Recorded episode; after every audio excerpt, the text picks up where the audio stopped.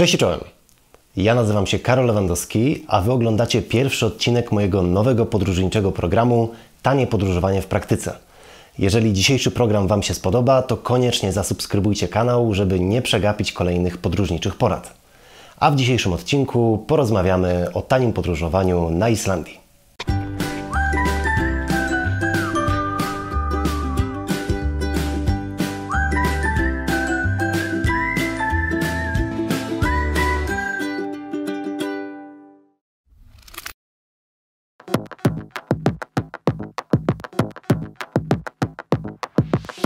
Islandia, nazywana krainą lodu i ognia, w ostatnich latach staje się coraz popularniejszym kierunkiem podróży wśród Polaków. Nie ma co się dziwić, bo ta niewielka wyspa leży bardzo blisko Polski, a jest dla Polaków bardzo egzotyczna i podróżując po Islandii mamy wrażenie, że wylądowaliśmy na zupełnie innej planecie. Wulkany, gejzery, gorące źródła, lodowce czy wulkaniczne pustynie zrobią wrażenie na każdym, kto kocha naturę.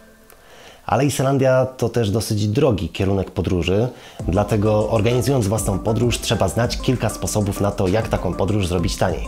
I dzisiaj zdradzę Wam właśnie 10 sposobów na tańsze podróżowanie po Islandii. Zaczynamy. Zaczynamy od jedzenia.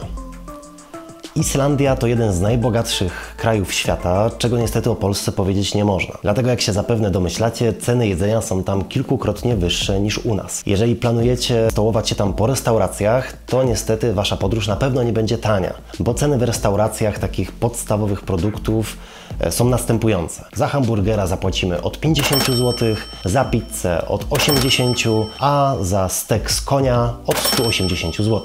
Całe szczęście na ratunek polskim turystom przychodzi podejrzanie uśmiechnięty różowy prosiak, czyli sklep Bunsz, który jest odpowiednikiem polskiej sieci Biedronka.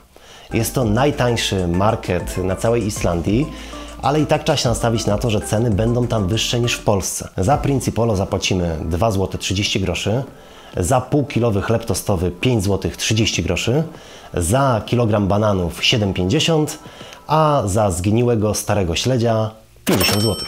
Kiedy będziecie planować Waszą podróż, dobrze jest wcześniej sprawdzić, gdzie na Waszej trasie są te poszczególne sklepy sieci bonus, bo wcale nie jest ich tak dużo i nie w każdej miejscowości je znajdziemy.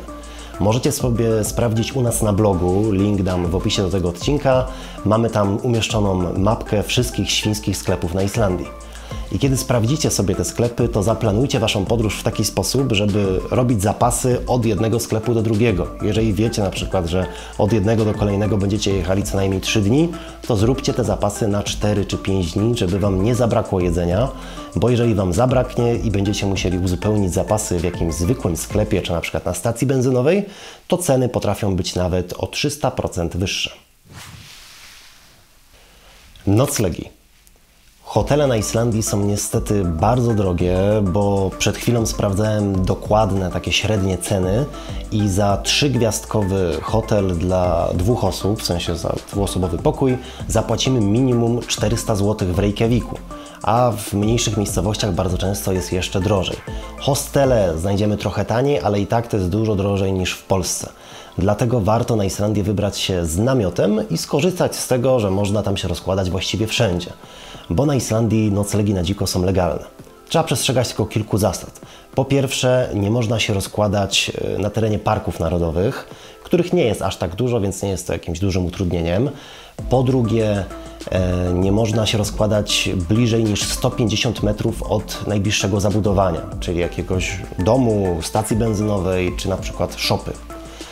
Jest czasem problem z tym, że Islandia to jedno wielkie pastwisko i bardzo często te pastwiska są podgradzane płotami i czasem trzeba przejechać nawet kilkadziesiąt kilometrów, żeby znaleźć jakiś zjazd e, gdzieś w pole czy w góry, ale nam się to udawało bez problemu, a podróżowaliśmy trzema samochodami w 15 osób i byliśmy tam około miesiąca i codziennie znajdywaliśmy jakieś miejsce do takiego noclegu na dziko. Także można to zrobić.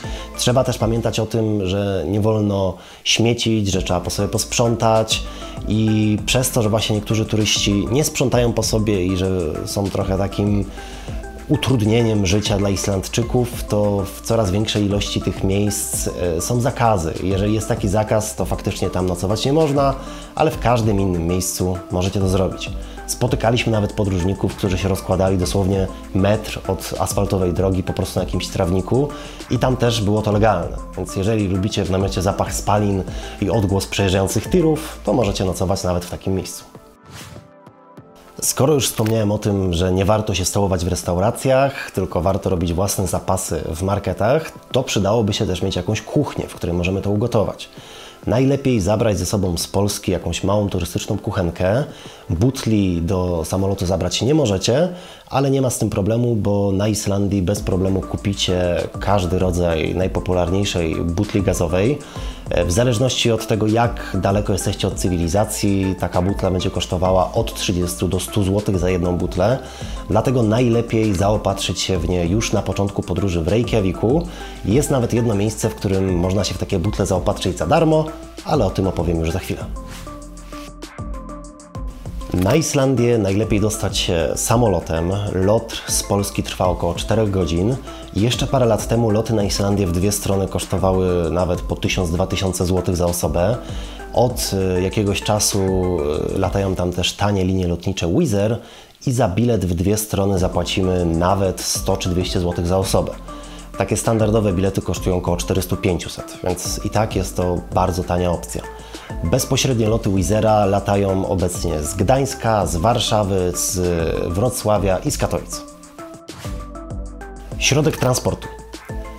Przez to, że Islandia jest bardzo słabo zaludniona, to yy, ciężko tam o poruszanie się autobusami, a jeżeli już, to te autobusy są dosyć drogie i nie dojeżdżają w każde miejsce, do którego chcielibyśmy się dostać. Dlatego najwygodniejszym sposobem na podróżowanie po Islandii jest podróżowanie samochodem, który możemy sobie albo sprowadzić z Polski, albo możemy go wynająć na miejscu. My początkowo planowaliśmy przetransportować tam auto promem, ale okazało się, że transport jednego samochodu z taką pięcioosobową ekipą to jest około 10 tysięcy złotych w dwie strony. Także niezbyt nam się to opłacało. Stwierdziliśmy, że wynajmiemy jakieś auto na miejscu. Islandia to tak naprawdę jedna główna droga, która jest nazywana Ring Road i ta droga numer jeden leci dookoła całej wyspy. Jeżeli planujecie podróżować tylko tą drogą, no to wystarczy Wam zwykłe auto osobowe bez napędu na cztery koła. Ale jeżeli chcielibyście się zapuścić w interior, czyli odbić od tej drogi gdzieś do środka, na przykład do e, parku Landmannalaugar albo do Fursmork, Fursmork to tam już niezbędny będzie napęd na cztery koła, bo trzeba jechać szutrową drogą, a w bardzo wielu miejscach trzeba się przedzierać przez rzeki, które potrafią mieć nawet koło metra głębokości. Jeżeli chodzi o koszty wynajęcia takiego samochodu, to na pewno warto jest pojechać tam 4-5 osobową ekipą, żeby te koszty sobie fajnie podzielić i wtedy wcale nie jest tak tragicznie. Bo poza sezonem zwykłe małe osobowe auto wynajmiemy już za około 1000 zł za tydzień. W środku sezonu będzie to ponad 2000 zł. Jeżeli chodzi o auta terenowe, to poza sezonem zapłacimy minimum 1500 zł za tydzień, a w sezonie będzie to minimum 3000 zł. Najlepiej e, szukać tych samochodów w jakichś porównywarkach e, tanich wypożyczalni, gdzie można trafić na fajne okazje, albo tak jak my skorzystać z polskiej wypożyczalni iSpol, do której link też dam w opisie. E, jak porównywaliśmy ceny parę lat temu, kiedy tam jechaliśmy, to chłopaki mieli najtańsze ceny, jeżeli chodzi o auta terenowe, bo wypożyczają tylko terenówki i zapłaciliśmy właśnie około 3000 zł za tydzień. Prysznice. Jest kilka opcji na to, jak można na Islandii, podróżując na dziko, skorzystać z prysznica. Niestety na żadnej stacji benzynowej nie znaleźliśmy prysznicy, ale można je znaleźć na kempingach. I nawet jeżeli nie jesteście gościem danego kempingu, to z prysznica i tak możecie skorzystać. Koszt y, za 10 minut ciepłej wody to około 15 zł, co jest dosyć sporą kwotą, biorąc pod uwagę, że na Islandii ciepła woda jest za darmo, bo taką ciepłą, śmierdzącą jajem wodę mają po prostu z gejzeru. Z gorących źródeł. Z gejzeru. Z gorących źródeł. W gejzerze się nie kąpcie, bo w gejzerze spłoniecie, tam jest 100 stopni. Miałem na myśli gorące źródła. Oczywiście. Drugą opcją, bardzo ciekawą, jest skorzystanie z basenów. Baseny są nawet w najmniejszych miejscowościach, w takich, w których znajdziecie dwa domy, to trzeci budynek to na pewno będzie basen. Baseny są dostępne dla wszystkich i za wejście na basen zapłacicie od 10 do 30 zł i W tej cenie macie po pierwsze właśnie ciepły prysznic, po drugie możecie skorzystać z basenów zimnych, ciepłych, bo są też takie gorące, czasem są jakieś zjeżdżalnie i jacuzzi, a dodatkową atrakcją jest samo korzystanie z prysznica czy z przebieralni, bo Islandczycy uwielbiają latać na golasa i na przykład może się zdarzyć, że ktoś usiądzie Wam gołym tyłkiem na ręce. No, tak mi się zdarzyło. A ostatnią, trzecią opcją jest po prostu zabranie swojego elektrycznego czy turystycznego prysznica z Polski i napełnianie wody do zbiorników na stacjach benzynowych. Atrakcje. Jeżeli chodzi o atrakcje, to to co najpiękniejsze na Islandii to natura, a natura jest tam darmowa, bo wszystkie gorące źródła czy parki narodowe są za darmo, a jedyne y, miejsca, w których musieliśmy płacić za wstęp, to po pierwsze krater Kerit, w którym zapłaciliśmy 5 zł za osobę, gorące źródła Blue Lagoon, czyli taki kompleks basenów przy Reykjaviku kosztuje 45 euro na osobę, wycieczka statkiem na niewidzialne wieloryby to 40 euro na osobę, polecamy tylko osobom z dużą wyobraźnią. I muzea, które kosztują od 15 do 30 zł za osobę.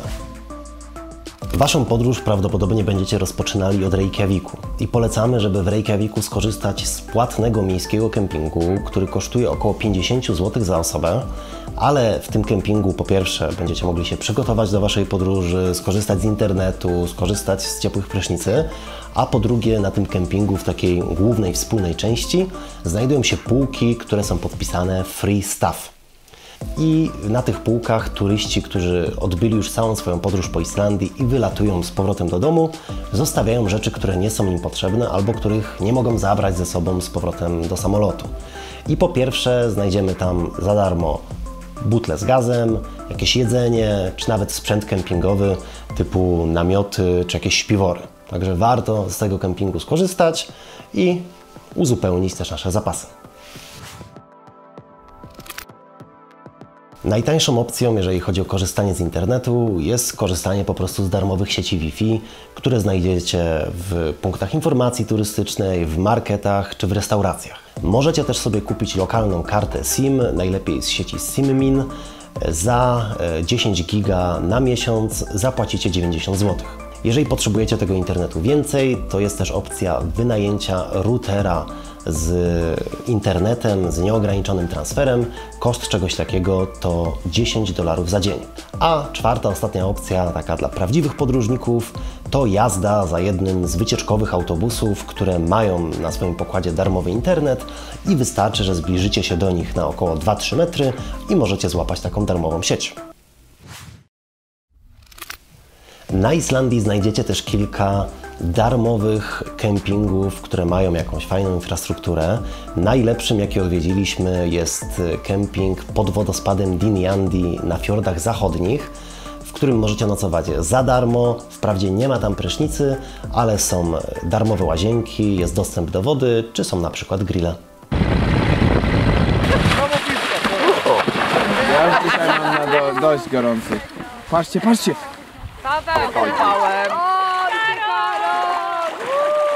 Na dzisiaj to już tyle.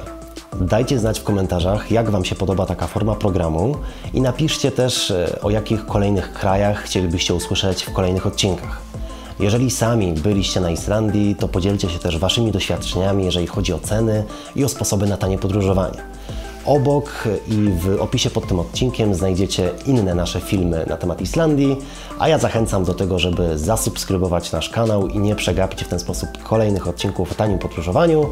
I widzimy się już za tydzień o tej samej porze, czyli w środę o 19. Cześć! Nieprawda, pozdrawiam montażystę, który dalej słyszy audio. Wcale nie siedzę w majtkach. Po prostu w swetrze jest za gorąco.